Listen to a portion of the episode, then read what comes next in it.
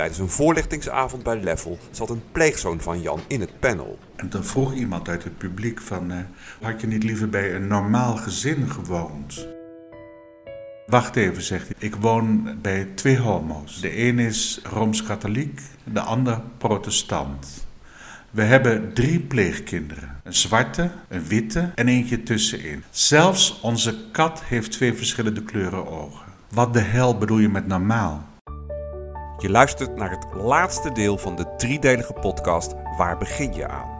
In de eerste twee delen vertelden we je hoe Isabel en haar vriend het al muzicerend voor elkaar kregen dat pleegzoon Bas zich thuis ging voelen. Dat heeft het ijs gebroken op dat moment en het is nooit meer dichtgegaan. Hoe Marjal en ik tijdens een vakantie contact kregen met Chantal en Bert door te stoppen met daar ons best voor te doen. Door zelf dingen te doen waar wij plezier in hadden en niet bezig te zijn met die kinderen, werd het gewoon leuk. Hoe Marlene een band kreeg voor het leven met haar pleegzoon Marvin, maar hem toen hij al lang volwassen was toch de deur wees. Ik heb gezegd van de laatste keer dat je weer de bak ingaat, dan is het klaar. En hoe pleegzoon Jan opbloeide bij Jan en zijn partner, maar na vier jaar gepest werd omdat hij bij twee homo's woonde en toen toch weg wilde. We vonden wij het hartverscheurend dat uh, mensen in de omgeving zo allemachtig dom kunnen reageren. In dit laatste deel vertellen we hoe de verhalen eindigen en maken we daarmee de balans op. Waar moet je tegen opgewassen zijn? Marlene wil streng blijven tegen Marvin, maar Marvin weigert zich daarbij neer te leggen en traceert haar op Facebook. Ik zag een foto van mij, toen zag hij van, hey, dit is mijn mams. En dan uh, is hij gaan uh, toevoegen en denk van, ik accepteer jou niet. Hoe blij Marlene ook is dat Marvin haar zo graag wil zien, ze vindt dat hij harder zijn best moet doen en haar volharden werpt uiteindelijk zijn vruchten af. De laatste jaren, een paar jaren, drie jaar ongeveer, ging het best wel goed. Hij had een huis, uh, reclassering was er. Hij ging werken. Hij ging weer een studie volgen. Had een vriendin, leuk meisje. Dus het ging goed. En juist dan wordt Marlene midden in de nacht gebeld. Het was één uur s'nachts. En uh, een nicht van mij die uh, belt me op. Ik kijk, denk van, hè, het is één uur, dan bel je me. Heb je wat van Marvin gehoord? Ik zeg, nee, hij heeft niet eens gelukkig nieuwjaar gewenst. Dus die ploert is zeker naar Suriname gegaan, stiekem. Toen zei ze, nee Marlene, ik heb heel erg verdrietig nieuws voor je. Marvin is er niet meer. Een hartstilstand in zijn eigen huis. Hij is daar doodgevonden na acht dagen. Mijn aller eerste pleegzoon. Dus niet mijn pleegzoon, maar mijn allereerste zoon. Ik hield echt van die jongen. In de beginjaren had Marlene wel eens spanning gehad met Marvins moeder, die er op haar manier ook altijd voor Marvin is geweest. Door haar drukke werk kon ze hem alleen niet de aandacht geven die Marlene wel voor hem had. Nu zijn twee moeders allebei een zoon verloren. We hebben samen afscheid genomen van Marvin. We hebben elkaar gesteund als familie. Hetzelfde geldt voor Marvins vriendin. Ik ben een zoon kwijt, maar ik heb weer een dochter erbij. Jan en zijn partner accepteren dat Jan junior niet meer bij hen woont. Maar terwijl er nieuwe pleegkinderen in huis komen, kunnen ze Jan niet helemaal loslaten. Ik moet je bekennen dat mijn partner wel stiekem vaak daar door de straat ging om hem te volgen. Vijf jaar later, als een nieuwe pleegzoon net op zichzelf is gaan wonen, blijkt Jan junior ook nog altijd aan hen te denken. Ik wilde wel hier naartoe komen, maar ik vond het raar om na zo'n lange periode weer zo op de deurmat te staan, zeg maar. Toch raapt Jan zijn moed bij elkaar en gaat hij, vergezeld van een goede vriend, naar ze toe. Allereerst was ik hartstikke blij om hem weer te zien. En mijn hart ging hem al open. Maar gelijk ook wel door de kop heen van, oh god, als er maar niks is, weet je. Als je maar niet in de problemen zit. Nou, dat was niet echt zo. Het was meer de situatie thuis, wat uh, een beetje aandacht vroeg. En, en hij echt voor zichzelf koos en had bedacht van, ik ga nergens anders naartoe dan in Jannebed. Na al die jaren is het meteen weer als vanouds. Alsof ik nooit ben weggegaan. Inmiddels is Jan 20, woont hij nog steeds bij Jan en Bert en tot op de dag van vandaag blijven ze van elkaar leren. Ik bewonder dat hij gewoon tegen mij zegt van, nee, dat doe ik niet. Dat komt mij niet goed uit... Maar ik, ik, ik denk wel bij mezelf van ja, uh, hij is wel sterk. Jan is gewoon een heel zacht persoon. Als je met een heel zacht persoon omgaat, dan word je vanzelf ook wel iets zachter.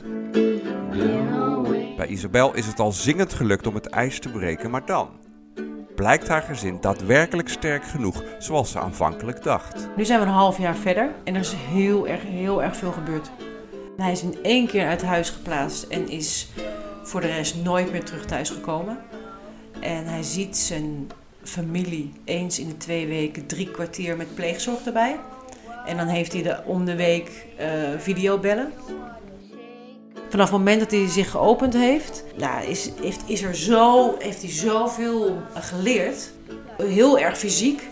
Te bewegen, te fietsen, veters te doen. Hij is heel sterk, veel sterker geworden, is hij ook heel trots op. Maar ook sociaal heeft hij al heel veel geleerd.